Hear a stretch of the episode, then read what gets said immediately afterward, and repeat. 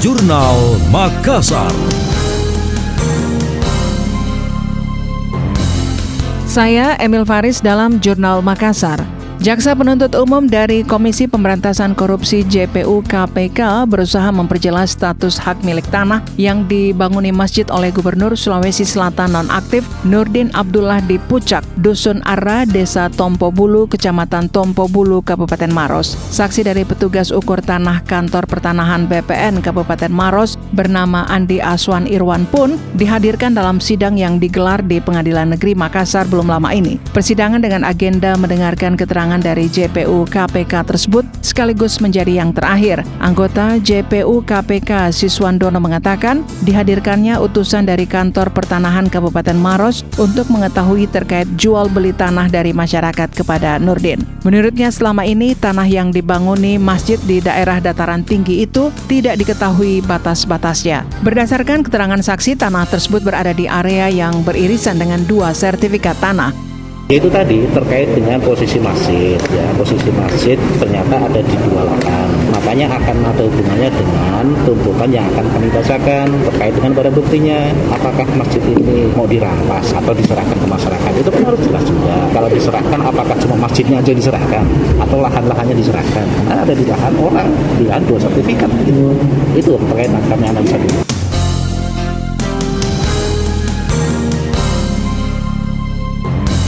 Siswandono menambahkan pihaknya akan menganalisa kembali pemanfaatan Masjid Nurdin Abdullah yang biaya pembangunannya diduga berasal bantuan CSR Bank Sulselbar serta beberapa donatur. Menurutnya tim JPU KPK juga akan mengkaji pula rencana penyitaan masjid tersebut bila dimungkinkan.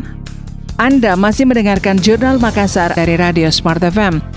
Pemprov Sulsel terus mendorong agar UMKM memenuhi ketentuan standarisasi nasional Indonesia SNI. Persaingan pasar saat ini semakin kompetitif. Hal tersebut disampaikan Sekretaris Daerah Provinsi Sulawesi Selatan Abdul Hayat Gani saat menghadiri sosialisasi Badan Standar Nasional Indonesia BSNI Bina UMKM secara virtual di Baruga Lounge kantor Gubernur. Dalam sambutannya Abdul Hayat menjelaskan Pemprov Sulsel telah menjalin kerjasama dengan BSN sejak 2008. Antara lain dalam dalam perumusan standar meliputi usulan standar baru produk unggulan daerah dan partisipasi dalam jajak pendapat penyusunan standar. Menurutnya selama pandemi, pelaku UKM menghadapi sejumlah tantangan, di antaranya kesulitan memperoleh modal, mengakses modal dari perbankan, hingga sulitnya mendapat bahan baku lantaran suplai bahan baku berkurang.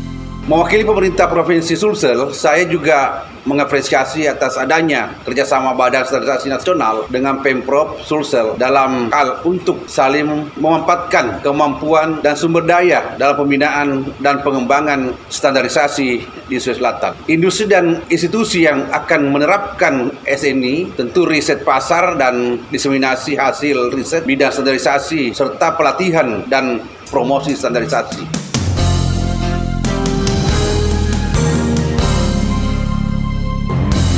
Lebih jauh, Hayat menambahkan, tahun ini Pemprov Sulsel melalui Dinas Koperasi dan UKM akan terus memberikan pendampingan, pelatihan, dan konsultasi. Pelaku UMKM dan sektor ekonomi kreatif didorong memanfaatkan teknologi untuk memperluas akses pasar.